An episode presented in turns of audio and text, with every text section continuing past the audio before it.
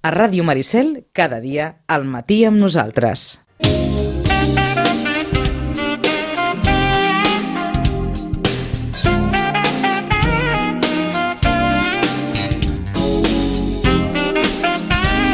Doncs una nova hora d'Europa amb la, el suport, com sempre, de la representació de la Comissió Europea a Barcelona, l'Oficina del Parlament Europeu a Barcelona, el Centre Europe Direct de la Diputació i l'Ajuntament de Sitges i la col·laboració d'Eurolocal. Joaquim Millán, bon dia. Molt bon dia. 30 anys. 30 anys, sí. déu nhi eh? Uh -huh. Sembla que a vegades, eh, bueno, com sempre passa en perspectiva històrica, els anys... Eh, per, per un mateix costen de passar, però quan analitzes i dius ja 30 anys, han passat molt ràpid, eh? Exacte. Molt ràpid, Són eh? dues vegades la cançó del duo dinàmica. molt bona aquesta.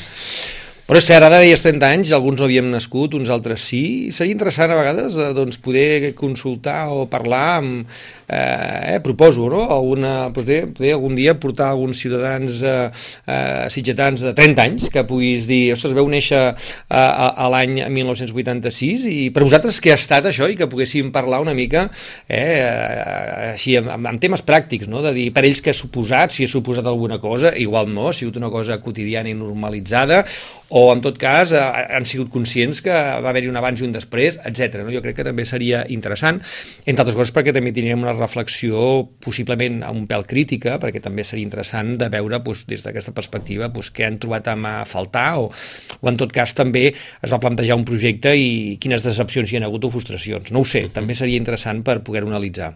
Doncs eh, saludem, recuperem gairebé la salutació eh, que, que teníem per acomiadar-lo l'any eh, fa, fa unes setmanes el senyor Xavier Ferrer, eh, president del Consell Català del Moviment Europeu. Senyor Ferrer, bon dia. Bon dia. Uh, us saluda Joaquim Millan d'entrada. Bon dia, Xavier, com estàs? Bon dia, bon dia, bé, bé. Um, um, doncs bé, aquí uh, parlant, si el mes passat parlàvem de balanç, aquest any també uh, comencem parlant de balanç, però d'un altre balanç, dels 30 anys. Ara comentàvem amb, amb en Joaquim de l'adhesió d'Espanya de, a les comunitats eh, europees, 30 anys, diguem, de llums i ombres. Eh, no sé si estem per gaires commemoracions, Xavier. I tant que sí, sí? jo crec que és una...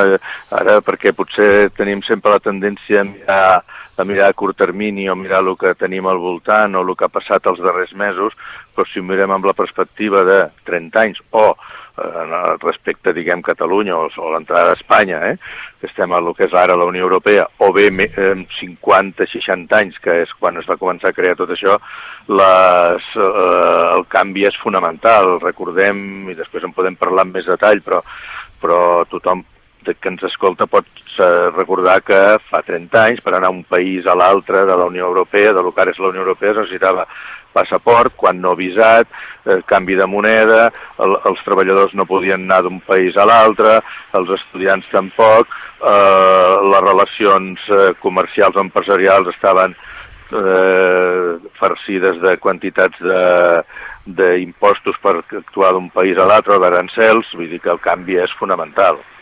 En, el que passa és que ens, potser ens hem deixat eh, més... Eh, eh, més alforges pel camí de les que tocava també en aquest, en aquest avanç indubtable i, i positiu que hi ha hagut, no? Bé, és que no és senzill tot això, eh? Uh -huh. o sigui, estem parlant de que estem construint una, una unió amb estats que durant segles s'han fet leguits o s'han fet quan no hi ha hagut conflictes i quan no guerres, no? I passar d'una situació de confrontació durant segles i anys a una situació primer de consens i de negociació i ara ja de projecte en comú no es fan dos dies i tot això, i m'agradaria recordar-ho i sobretot si ens escolten gent jove eh, els més grans ja ho entendran doncs que ho tinguin ben present que tot això se fa amb pau amb sí. pau i això és molt difícil, eh? Estem parlant amb un d'un continent que, repeteixo, que durant segles eh, han estat confrontats uns països amb altres. Recordem que Segona Guerra Mundial, Primera Guerra Mundial, conflicte de França amb Alemanya el 1870, vull dir que, i tot això des de fa 60 anys eh, que existeix el que ara, o estem construint el que ara és la Unió Europea, dintre del que és el paraigües de la Unió Europea no hi ha hagut cap, cap, cap conf confrontació bèl·lica Eh? El, el que passa és que no pot, mm, no pot ser que els darrers temps, o com a mínim la percepció eh, ciutadana sobre, sobre el que està passant, mm, hi hagi una, cert, un cert, una certa regressió respecte Sí, de, no, de les avantatges que, que representava el, estar I club. és, i és, i és, i és, perquè a més a més jo aquí veig dues coses. Una, que, que de la realitat que és complexa, és complexa avançar sense conflicte eh, cap a una unió, perquè primer amb la part, diguem, de l'economia ha sigut més fàcil, però quan arribes ja a qüestions de d'identitat política i de sobirania dels estats, doncs és quan, eh, quan eh, toca el moll de l'os de, de, dels estats i, i costa més, diguem, prendre decisions. Això d'una banda. I de l'altra és que també ens havíem acostumat a, a, que, a que si no, doncs des de la Unió Europea eh, s'arreglarà tot i, i ja ens ajudaran des de la Unió Europea i sempre, sempre pensàvem de que seria una font inagotable de, de recursos i tal, i això no, al final els recursos de la Unió Europea són el, els recursos que es generen els ciutadans de la Unió Europea a través dels, dels estats, podríem parlar del pressupost de la Unió Europea. No? Llavors, eh, sí que quan tot, diguem, anava bé ho veiem amb bons ulls i quan no va tan bé doncs donem a vegades moltes culpes a lo que és la construcció europea, quan en realitat no és totes les culpes de la Unió Europea, sinó molta part també és de la gestió dels governs dels propis estats. Eh, per tant, hi ha aquestes dos, aquestes dos vessants eh, aquí. Potser Xavier es va fer molta demagògia en el seu moment i s'ha seguit fent i poca pedagogia i se'ns va vendre una mica això de Brussel·les com el gran caixer automàtic, no? que se Sí. suposava que sempre anirem, aniríem allà i sortirien diners Aquí està, aquí i, està. i el sí, dia sí. que no tenim un problema, el problema és el caixer automàtic, no? I després hi ha una cosa, no?, que, que i especialment als països del sud, no?, quan, quan eh, s'han rebut molts fons tant de, de la vessant, diguem, d'agricultura com de la vessant de fons de cohesió eh, de, de la Unió Europea i no el cas espanyol durant més de 20 anys el 1% del producte interior brut ha entrat en diferents, diguem, regions de lo que és de, de, de l'estat espanyol i, i ara quan toca tot això no s'acabava d'agrair, per dir-ho així, i ara quan toca ajudar més els països de l'est, el pressupost s'ha restringit, ara, doncs, eh, diguem-ho així, en clar, el dolent és la Unió Europea, com no és, com no és ben bé ben bé així, no? Ens vam passar 15 anys parlant de la PAC, de la política agrària comuna i dels fons de cohesió, i ara gairebé no en parlem. Bueno, és que el pressupost, el pressupost eh, comunitari que hem de recordar que només és l'1% dels pressupostos estatals, com per exemple el, el pressupost federal dels Estats Units és eh, entre un 20 i un 25%, eh, d'aquest 1%, que en valors absoluts pot semblar molt, en valors relatius és només un 1%. Uh -huh. Eh? I, evidentment, eh, quan el 2004 entren 10 estats més i amb, una, amb, una, amb un producte interior brut, estic parlant dels països de l'est, eh, molt més baix que la mitjana europea, doncs aquests fons de cohesió, no tant els, els els d'agrícola, que també, però més els de cohesió, han d'anar eh, progressivament a, a cobrir les mancances d'aquests estats. I per tant els estats que ho han rebut durant un temps o durant anys llargs, com podria ser Grècia o, o l'estat espanyol, s'ha d'entendre també que, que, que dintre de lo que és la cohesió de la Unió Europea, la Unió Europea des del 2004 és més gran, doncs s'han de traslladar aquests fons, aquests fons cap allà. Però això no agrada. Això no agrada perquè una cosa, un, un s'acostuma a que, a que quan, quan li van donant coses, doncs eh, quan li treuen és quan, quan es veu, no? Do- Dones allò que, que és com un dret adquirit, no? Més que Sí, sí, una sí. concessió que et donen, eh, és un Sí, dret sí. adquirit i, i el dia que t'ho treuen es penses que t'estan Sí, sí. traient alguna cosa bueno, teu, I, no? I si a més a més això doncs, eh, hi afegim la realitat del moment, o del moment dels últims 5 o 6 anys, amb aquesta crisi econòmica global que ha afectat tant a, a la ciutadania, doncs eh, la problemàtica és doble i, i l'etapa d'expansió que vivíem amb els ajuts també de la Unió Europea fa uns anys doncs s'ha convertit en la, en, la, en la situació que ens trobem. Llavors, clar, la percepció de la ciutadania eh, que pateix aquestes restriccions doncs eh, s'ha de manifestar amb alguna amb algun aspecte, no? amb algun aspecte diguem governamental del propi estat o també de la Unió Europea, i a partir d'aquí surten totes les coses que potser en altres moments no s'havien vist, com que, i això és veritat,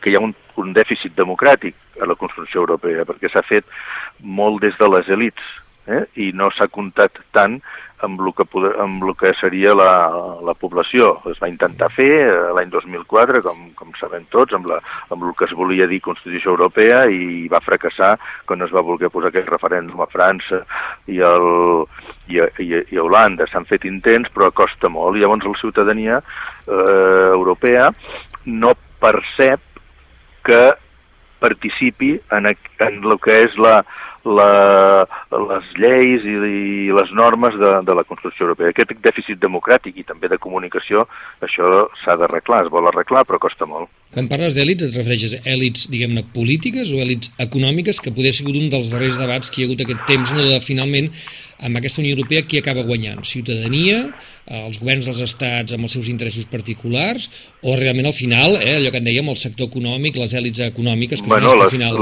Les èlits econòmiques o les èlits eh, industrials o les èlits de qualsevol eh, sector, doncs, eh, eh, busquen el seu espai, tothom busca el seu espai i la ciutadania també l'ha de buscar. Jo crec que en el segle XXI i aprofitant doncs, que tenim aquestes connexions amb les noves tecnologies i que tot se sap al moment, tenim molta més informació que abans i jo crec que, que s'ha d'avançar cap a el que hauria de ser el segle XXI, això ja és més una, un desig que una...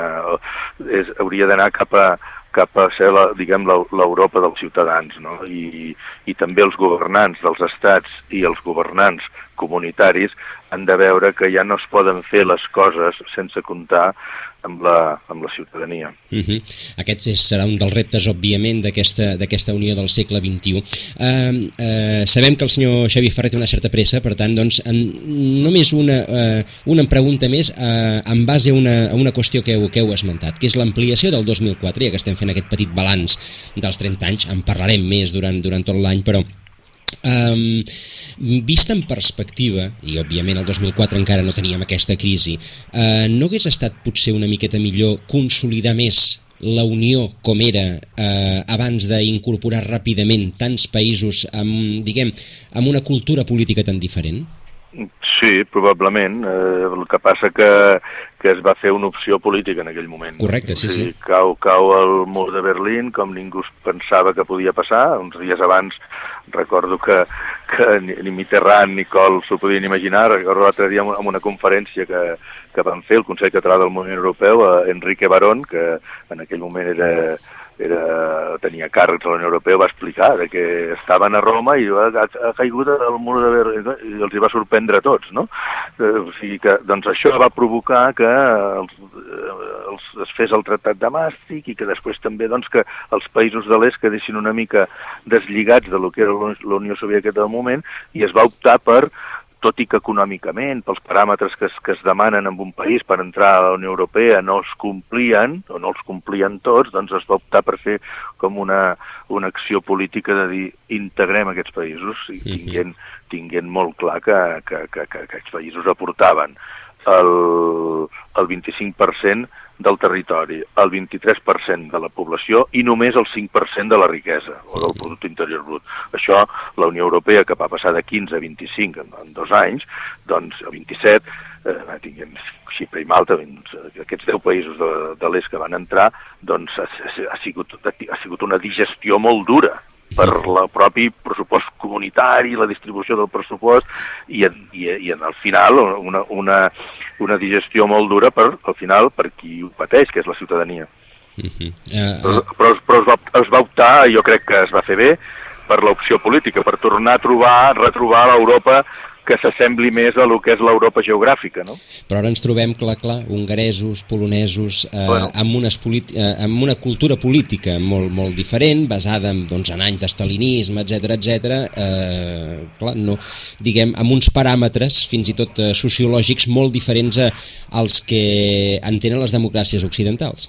Sí, tant, perquè a més a més es havien, havien posat molta il·lusió il·lusió també una mica interessada de, de, de poder diguem, disfrutar d'ajudes econòmiques en la seva entrada a la Unió Europea i també han vist amb la reducció del pressupost europeu i altres restriccions de que això no ha sigut tal com, com esperaven, i quan un li passen coses que no espera, doncs s'actua. I, I hi ha una tendència amb les crisis és a, a, a, a tancar-se amb la pròpia comunitat i aquesta és tendència natural, es passa en diferents àmbits, fins i tot, diguem, en l'àmbit ciutadà, amb la família, i, amb la, eh? i això és el que està passant també a, Polònia... Ens està a, passant aquí.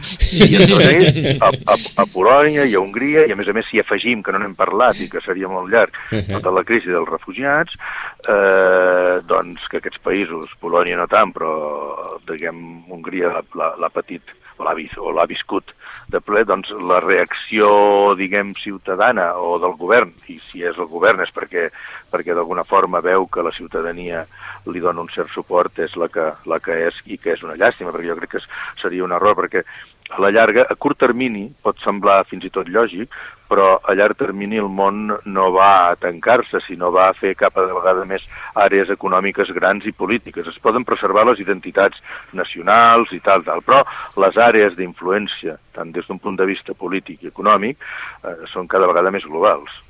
Doncs eh, Xavier Ferrer, president del Consell Català del Moviment Europeu, eh, moltes gràcies per aquesta primera reflexió eh, al voltant d'aquests eh, 30 anys, de ben segur, durant, durant aquest any, en altres hores d'Europa, el tornarem a saludar. Us, us acomiada també Joaquim Millan. Molt bé, Xavier, fins a, fins a ben aviat. Moltes gràcies a vosaltres i bon any. Bon any. Gràcies.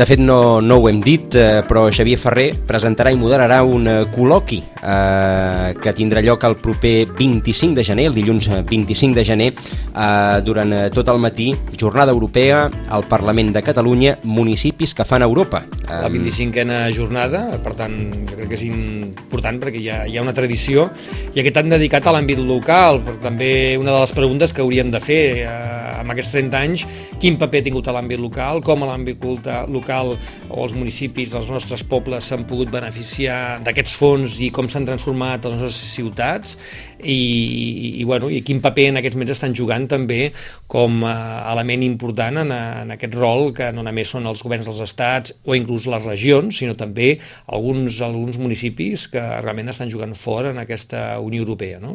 En un moment clarament de, de canvi, eh, ja ho ens, ens ho apuntava Xavier Ferrer, eh, òbviament des de, en aquests 30 anys hi va haver un, una primera etapa eh, d'il·lusió però també de rebre molts diners i alguns diners que van anar directament sí, sí, a la bassa sí, sí, sí, sí, sí. Eh, i una segona part a partir especialment de l'ampliació cap a l'est allà s'han acabat els diners Sí, no, la, la veritat és que en aquell moment havia la discussió d'aprofundiment de la Unió Europea per justament anar aixugant aquest dèficit democràtic que ja es veia venir, que existia i que existeix eh, el que diem l'entramat comunitari o europeu i per tant era aprofundir o eh, ampliar i en el moment que hi ha la caiguda del mur de Berlín s'accelera una de les dues postures, que és la de l'ampliació, una mica també pel deute històric que havia, etc i, i bueno, per decisions, com ha dit molt bé el Xavier, més, més polítiques, ideològiques, que poder pensades i de forma equilibrada. No? I a partir d'aquí bueno, doncs tenim uns resultats amb algunes qüestions positives i amb unes altres doncs, no tant.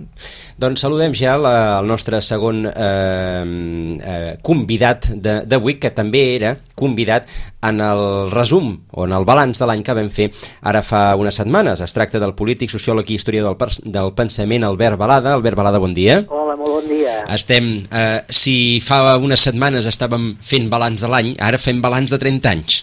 No sé, si, no, sé, no sé si és més fàcil o més difícil, oi? A, a vegades és més fàcil perquè segurament eh, no cal concentrar tant i, i no cal acotar tant, no? Mm -hmm. Us estava escoltant i m'ha agradat realment una mica la, la, la visió, la perspectiva que estava donant el, el Joaquim, que, que la trobo encertadíssima, vaja, coincideixo plenament amb el que estava dient. Eh? Uh -huh.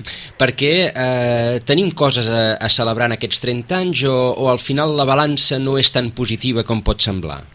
A veure, eh, no, no, no hem de ser eh, negatius del tot. Uh -huh. és, és evident que Europa està millor avui que fa 30 anys. Diguem, eh, Europa és Europa avui i fa 30 anys Europa era una altra cosa. Per tant, encara que només sigui per això, doncs hem, hem de dir que, que hi ha aquest element positiu. Una altra cosa és que en aquests 30 anys s'ha anat a un model eh, que potser no és el model més encertat.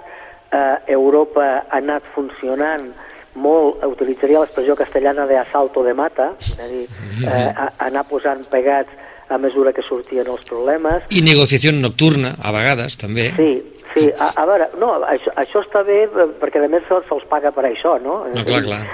això va amb el sou, no? Però, però a banda de dir, home, doncs, millor aquesta negociació nocturna no hauria calgut si haguéssiu arribat a un acord abans perquè haguéssim tingut, doncs el que deies tu, Joaquim, una mica més de profunditat democràtica en les coses, no? i, i eh, diguem, menys in interessos nacionals, més interessos europeus, és a dir, pensant en clau una mica general. Bé, però és que en realitat eh, aquesta Europa que nosaltres tenim, tal, tal com jo ho veig, diguem, eh, encara és una criatura. Sí, és, és, és, és, és, és un bebè. No, no, en, en, la, en la vida de, la, de les institucions, eh, 30 anys eh, no, no, no és res, diguem, és, és, és, és un moment, no? I, i, a, a la vida de les persones 30 anys són molt, vull dir, uh -huh. gairebé és, és, és molt més d'un terç, gairebé és mitja vida, no? Però les institucions és poca cosa, per tant, valorem, eh, potser és perquè sóc positiu jo d'entrada, no? Valorem-ho positivament, eh, sapiguem que s'ha de corregir, vull dir, el, els experts ens estan dient per on s'ha de corregir, aquelles presses de la incorporació dels països de l'est perquè no caiguessin després de la caiguda del mur de Berlín en, en, en l'àmbit, diguem, de l'antiga FEI, no? la, la substituta de la Unió de Repúbliques Socialistes Soviètiques, eh, va fer que es fes bastant malament tot aquest, tot aquest encaix, que no es fes exactament bé, algun dels problemes han nascut d'aquell mal, mal encaix, hi ha mals encaixos que també ja s'han fet previs, el mal encaix d'Espanya, el mal encaix de Grècia, el mal encaix de Portugal han anat sortint. Bueno, doncs aprenem una mica dels errors fets, seria, seria el que jo diria d'aquesta lectura de 30 anys. El que passa és que no hi ha un procés de, de reflexió, com a mínim, no es veu un procés de reflexió a nivell de la, de la pròpia institució per poder adoptar mesures Clar, mira, que previnguin jo, això. Jo us podria posar, per exemple, un, un, una, una, una discussió, discussió, quan dic discussió única amb clau francesa, no? Uh -huh. un, debat, parlar amb uns col·legues que fèiem ahir, no, no era concretament de la Unió Europea, i, però, però i, i té molt a veure. Nosaltres parlàvem del, del, del model PDCA, és a dir, del sistema analític de les administracions, eh, les administracions públiques, siguin quines siguin, són reàcies, són refractàries a ser analitzades. Uh -huh. És dir, tenen por de que els experts eh, posin de manifest aspectes que s'han fet malament. Bé, però és que no, no, no, no vol dir que això hagi, hagis de castigar algú de cara a la paret. Eh, això que es fa a, a qualsevol organització privada, és a dir, el model que nosaltres en diem el PDCA, és a dir, implementem un, una determinada acció, deixem que es desenvolupi, l'analitzem, fem les, proposem les correccions adequades i torna a començar el cicle, això és el que hauria de ser normal i natural. Bé, doncs les administracions públiques del signe que siguin, no, aquí no hi posem ideologia, eh, del, del tipus d'administració que sigui, són refractàries amb això perquè es pensen que això suposarà un càstig, això és un procés de millora que se'n diu habitualment, no? Eh, és veritat, la Unió Europea encara no està en aquest punt d'acceptar que algú analitzi allò que s'està fent i pugui determinar doncs, que hi ha determinats eh, fallos, eh, que hi ha determinades, determinades zones buides, que alguna cosa no s'ha fet bé, o fins i tot que es perden diners, que és l'última part, eh? no, no és una qüestió d'anàlisi de, de pressupostos. Però s'hauria de fer, són organitzacions, organitzacions institucionalitzades, però són organitzacions.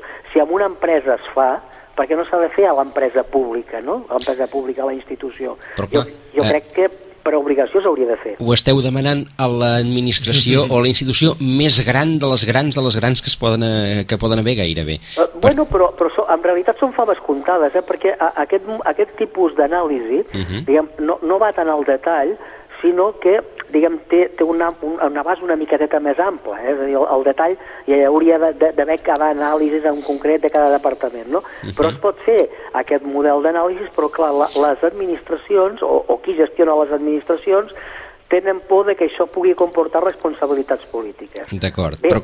Si, si hi ha responsabilitats polítiques, alguna haurà d'assumir és evident, és a dir, si, clar, si una clar, empresa clar. està mal gestionada, algú ha d'assumir la responsabilitat de que s'hagi mal gestionat. Però és que en realitat no anem a parlar ni d'això, anem a parlar d'un procés de millora en les administracions, per tant anem a parlar d'allò que es fa d'una determinada manera, si es fes d'aquesta altra determinada manera, a lo millor comportaria un rèdit social més important. No parlem de rèdit econòmica, parlem uh -huh. de rèdit social. Eh, mentre les administracions públiques no parlin d'això, ens estarem enrocant constantment, eh? I això, és, això estic completament d'acord perquè a vegades aquella frase de oh, això sempre s'ha fet així, no? Bé, el ciutadà entra en una administració i diu, escolta'm, això es podria millorar d'aquesta manera d'una altra oh, això sempre s'ha fet així, com dient bueno, doncs si s'ha fet així, perquè l'hem de canviar, no? Que també ens passa moltes vegades en temes familiars, personals o inclús d'empreses familiars, no? Que, oh, com que el pare ho feia així, perquè ho haig de canviar jo. Clar. Jo penso que estem en temps de canvis, amb tot, no? Vull dir, amb cultura política i també amb una, la cultura del ciutadà d'exigència a l'administració i també de, de demanar responsabilitat als polítics, no? Jo penso que és important començar a assumir aquests rols i també el de la pròpia eh, ciutadania com a corresponsable de coses, no? Els ciutadans també a vegades han d'assumir que també són corresponsables de certes qüestions, no? Perquè és que si no, és clar, exigir als altres sempre és molt més fàcil, no? La culpa polític també, mira, és demagogia pura, no? Al final tots són iguals, tal, ens quedem amb aquestes cantarelles que no ajuden. Jo penso que a nivell europeu també passa el que s'ha de fer pedagogia perquè també la gent entengui, quan parlem de la Unió Europea, de què estem parlant, eh? perquè com tu molt bé saps, Albert, encara avui en dia, després de 30 anys, com deia el Joan, eh, seguim parlant de l'Europa com el gran desconegut, perquè també ha interessat no explicar massa què era Europa perquè així tothom explicava la versió que volia. Clar. Jo penso que ara els ciutadans ja no tenen excuses, a través d'internet, les xarxes, mm, s'estan fent xerrades constantment, es parla de la Unió Europea com es parla d'altres coses, penso que ja tenen la informació suficient de quan parlem de la Unió Europea i de parlem de les institucions europees de què estem parlant. Mm? I si no, eh, ho poden buscar. Mm? Sí, sí, estic totalment d'acord amb tu, Joaquim, amb, amb, la, amb la corresponsabilitat que tenim tots els ciutadans, eh? diguem, experts o no, el, el ciutadà de peu és corresponsable. Ja, ja no, no, no podem parlar d'un ciutadà que és inculte, que no està format, eh, els nivells de formació de la gent són els que són, no? però diguem, està molt més informat del que podia estar fa, fa 3, fa 5, fa 10, fa 15, fa 20 anys. No? I, i per tant, l'acceptació de determinades posicions eh, per comoditat, no? perquè clar, això no em correspon a mi, correspon als polítics, doncs ja, ja no està bé que així sigui. Clar, que de fet el sistema és un, un, retroalimenta això una miqueteta, no? Eh, jo, jo podria recordar les, la, la darrera expressió de, de Mariano Rajoy, perdoneu-me que tregui a Mariano Rajoy a col·lació, però és que a mi em serveix molt per, per, per allò que va dient, que és justament el que no s'ha de fer, no? No sé si recordeu quan es referia al, al procés, diguem, a, a les últimes circumstàncies que han passat aquí a Catalunya, que ell deia que no era partidari de fer eleccions cada 15 dies. No sé si us sona aquesta, mm -hmm. aquesta dita. Bé, precisament això, eh, aquest és l'error que hi ha a, a dintre del, del model democràtic català, espanyol, europeu, de tot arreu. No? El, el ciutadà hauria de participar molt més de, de tota la presa de decisions. I si és fent eleccions cada 15 dies, que és una exageració, evidentment, no ens és fent eleccions cada 15 dies. És a dir, no pot ser que el ciutadà estigui allunyat de la presa de decisions i no assumeixi aquesta part de corresponsabilitat qui, qui arriben a l'extrem més, més extrem són els suïssos. Eh, Exagerant-ho podríem dir que fan referèndums cada 15 dies, no? Uh mhm. -huh. Però eh, tampoc és això, eh? Vull dir, ja, ja, però, però, Albert, poder, avui en dia per les noves tecnologies es poden buscar sistemes, jo no dic cada 15 dies, però que no sigui allò de anem a votar cada 4 anys i després la democràcia durant aquest període de 4 anys queda segrestada atiria pels partits polítics, per les institucions, per les dinàmiques moltes vegades que estan eh, una mica eh, per, eh, una mica per la labor dels interessos mm, econòmics i no tan col·lectius i per tant hi ha aquesta de, de sensís de, de la gent, no? de dir, bueno, escolta'm, tu, jo sí cada vegada que tinc cada quatre anys haig d'anar a votar i només aquest és el meu rol, ostres, em sento allunyat, no? Clar, eh, eh, tota la raó, és a dir, no, no, no, no, dels 15 dies, si algú ens escolta, és una exageració, eh? Vull dir, no, mhm. ho, ho hem agafat com a exemple, no val, no? Però, eh, eh, eh fixin, fins i tot, eh, per, posar, per posar un exemple, els, els legisladors nord-americans, quan van declarar la independència americana, ja van pensar que quatre anys eren molts de les eleccions. Ells fan, re recordeu, eleccions de renovació de la Cambra de Representants cada dos anys, no? Cert. I, mm -hmm. i, i ara molt temps, perquè clar, el temps també és relatiu i, i quan, quan han passat els segles doncs veus que dos anys en aquella època no són els mateixos dos anys que aquí, Correcte. però ja es plantejaven la necessitat d'aquesta corresponsabilitat. Uh -huh. I, I no es tracta de que bueno, hi hagi decisions de gestió immediata que s'hagin de prendre les decisions, però aquestes decisions que realment són col·lectives, que van més enllà de, del pensament d'algú que pugui dir o que pugui decidir, eh, s'haurien de poder prendre. No? Eh, és el que deies tu, Joaquim, diguem, de repensar la política, no? és a dir, noves, noves modes, nous models eh, entendre el canvi com quelcom de natural, és a dir, eh, nosaltres mateixos no som iguals que érem ahir, no, per exemple, nosaltres que estem parlant ara aquí no som iguals que els, els que érem abans d'haver començat el programa, perquè ens hem influït uns amb els altres, hem rebut uns ítems, doncs tenint en compte que això la ciència ja ens ho explica, també en la política passa. Uh -huh. En l'acció política passa, no, no és el mateix el que va, havia passat ahir que el que passarà demà que el que passarà passat demà i per tant ens convé que el ciutadà prengui decisió, tingui coneixement, que això és importantíssim perquè som en definitiva els accionistes d'aquesta gran empresa que es diu Europa, d'aquesta empresa que es diu Espanya, d'aquesta empresa que es diu Catalunya. No som uns clients, som els accionistes, som els amos. Ah. Llavors, sent, sent els amos hem de prendre part de la decisió i no només cada 4 anys o cada 5 quan són les eleccions europees. No? El problema, per tant, estaria més en la eh, trasla, traslació de la, de la sobirania i, per tant, de la democràcia al model de representativitat d'aquesta, és a dir, eh, com eh, convertim el que, el que realment és el que desitgi el poble, eh, que és un genèric molt bonic però molt difícil, eh, en doncs, a, a un model de representació que com a mínim s'adigui en, aquesta, eh, en, en, en aquests desitjos. Clar, aquí, aquí el problema, eh, fixeu-vos que dos eh, àrees que tenen models de representació diferent, com és l'Europa continental i, i l'Europa de les illes, diguem, uh -huh. les mhm. illes britàniques, uh mhm. -huh. eh, salvant, salvant Irlanda, Irlanda la deixaria a part perquè té el mateix model que el continental, la perspectiva de les coses és diferent, perquè el nivell de representació que tenen els britànics és de representants molt propers, eh, ells tenen doncs, el, el, el sistema de comtats, vull dir, estan, estan molt a prop del ciutadà, mentre que a Europa el sistema de circunscripcions a tota Europa és molt ample. El ciutadà està molt allunyat de, del seu representant. Bé, això Europa també s'ho ha de plantejar. És a dir, si hem de continuar mantenint els representants europeus, però als altres nivells de les administracions ens passa exactament igual, eh, podem tindre dos voltes a França o podem fer-ho de diferents maneres, però s'assemblen molt tots els sistemes. Però eh, fixeu-vos només, aquesta diferència d'elecció dels representants com fa que eh, uns països tinguin una perspectiva d'Europa i un altre país tingui una altra perspectiva d'Europa.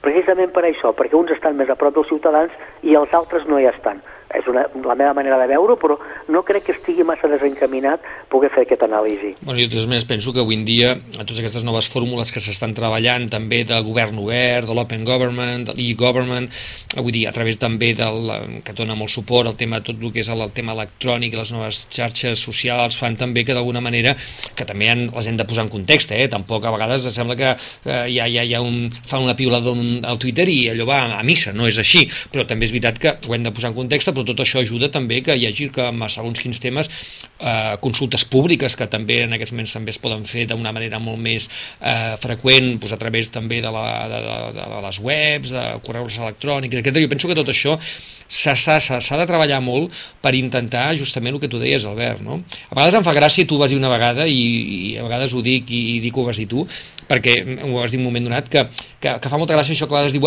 hem d'empoderar la societat, quan és el contrari, la societat és la que empodera els polítics, perquè el poder és de la societat, és del poble, i a vegades aquests polítics que diuen no, no, ara vaig a fer una, un, un projecte per empoderar la societat civil, perdoni, és que és la societat civil la que té el poder i li està durant a vostè, no? Per tant, eh, i facin un bon ús, no? Penso que hem de tornar a pensar que és, és així, no? És el poble que té el poder i, per tant, en aquest sentit, eh, també ha de sentir-se corresponsable, implicar-s'hi, participar molt més que no limitar-se a votar cada quatre anys, no? Sí, bueno, a, a, aquesta expressió que tu deies, Joaquim, lo de l'empoderament, jo crec que és, no, no, no tu, eh, perquè tu no l'utilitzes en aquest sentit, però sí que els polítics o els grups polítics que l'estan utilitzant són aquelles expressions una mica snobs, és com, com quan es va posar de moda fer ioga, no? Uh -huh. ja, hem, hem descobert aquesta paraula i, i bueno, està, està bé, eh? utilitzem-la perquè queda molt bé, empoderem els ciutadans. No? És, és que el poder està en els ciutadans, és a dir, la sobirania és dels ciutadans i a més dels ciutadans de manera individual. No? Llavors, l'únic que s'ha de fer és això, posar-ho en valor és a dir, la, la sobirania ja la tens, l'únic que només es demostra cada quatre anys anant a votar. Però deia, deies molt bé eh, la, utilització de les noves tecnologies, que per això són, i, i per això encara acabaran evolucionant més en els propers 10 anys, eh, suposa que eh, el ciutadà ha de poder ser consultat permanent, de manera permanent. Eh, tots els ciutadans participaran en aquesta consulta permanent que es pugui fer als ciutadans? Ja ho sabem que no. Dir, la, la, els grecs es van inventar un concepte que es deia l'idiota, Eh, L'idiot és el que no participa de l'activitat política corrent, no? Parlo dels grecs de fa, de fa 2.500 anys, no? Bé, sempre hi serà, aquesta figura sempre hi serà, la gent que no li importarà i que no voldrà participar. Però la gent ja s'està acostumant a la utilització de les noves tecnologies eh, d'una manera més bona, d'una manera més dolenta, d'una manera fraudulenta, però la gent les utilitza, les noves tecnologies. Bé, doncs la, les noves generacions hi entraran, és a dir, potser nosaltres ens costarà molt perquè som, som nascuts a l'època de la màquina d'escriure i ens anem adaptant a correcuita, però els nostres fills eh, ja és que com d'habitual, els nostres fills eh, eh, tenen el WhatsApp posat al telèfon mòbil al costat de la tauleta de nit i si el reben a les 3 de la matinada el contesten a les 3 i 5 minuts de la matinada, no? Nosaltres encara no ho sabem fer, però ells sí. Implementar aquest tipus de tecnologia és, és imprescindible. Eh, eh, això és el, que hauria de ser la transparència pública, no? És dir, que la, les institucions, les administracions, posessin a l'abast del públic en general tot allò que té a veure amb la seva gestió. No has de donar secrets de les teves polítiques, és a dir, si jo tinc pensat fer no sé què, no tinc per què explicar-ho, però sí que tinc que explicar i tinc que posar a l'abast qualsevol dels elements que han format allò que jo ja he fet, no? Sí, el que passa és que, i ara tornem a, a, a l'inici de, la, de la conversa, si les eh, administracions ja els hi costa eh, que algú els valori allò que, allò que s'equivoquen, no, no els hi ha de costar que eh, hi hagi maneres més ràpides que eh, la ciutadania accedeixi a influir sobre les decisions. Bé, però, però eh, ens, estem, ens estem plantejant, no, la pregunta és correctíssima, eh? però si, si això és així, ens estem plantejant que les administracions públiques són un contrapoder, de fet. I clar, no, no, això, això és inacceptable. No, no són un contrapoder. Administren el que representa que són les nostres decisions. Per tant, no poden estar contra el ciutadà, no? perquè llavors estaríem eh, parlant de, home, doncs no sé si realment de, eh, vivim en democràcia. Ai. Eh? Si, si ens plantegem això, ai, qüestionem que el ai. nostre sistema sigui democràtic. Estem, estem aquí. Eh, fa, falta un minut per acabar la conversa, Albert. Perdoneu-me, si jo m'allargo molt perquè... No, no, és que ha estat molt bo perquè és que clar, ja ens hem posat al caire de que haurem de continuar-la aquesta conversa. Fins a quin punt... Encantat, ja ho sabem, eh? uh, Albert Balada, uh, polític, sociòleg i història del pensament, moltíssimes Un matís gràcies. politòleg, no polític. Ah, politòleg, poli... sí. Sí. No, pol... eh, sí, sí, us dic polític. No, no, no, no, si us plau. doncs això, encantats de- d'haver parlat eh, amb vostè de nou mm, i esperem saludar-vos a prop. Us, us acomiado també en Joaquim Millan. Una forta abraçada, Albert, ens Una, veiem una aviat. forta abraçada a tots dos. I a tots vostès també, moltes gràcies, Joaquim. A vosaltres. Eh? I d'aquí un mes, més coses, parlant sempre d'aquests eh, 30 anys que se celebren en guany de l'adhesió d'Espanya a les comunitats europees. Fi, eh, d'aquí 5 minuts, més coses. Fins ara.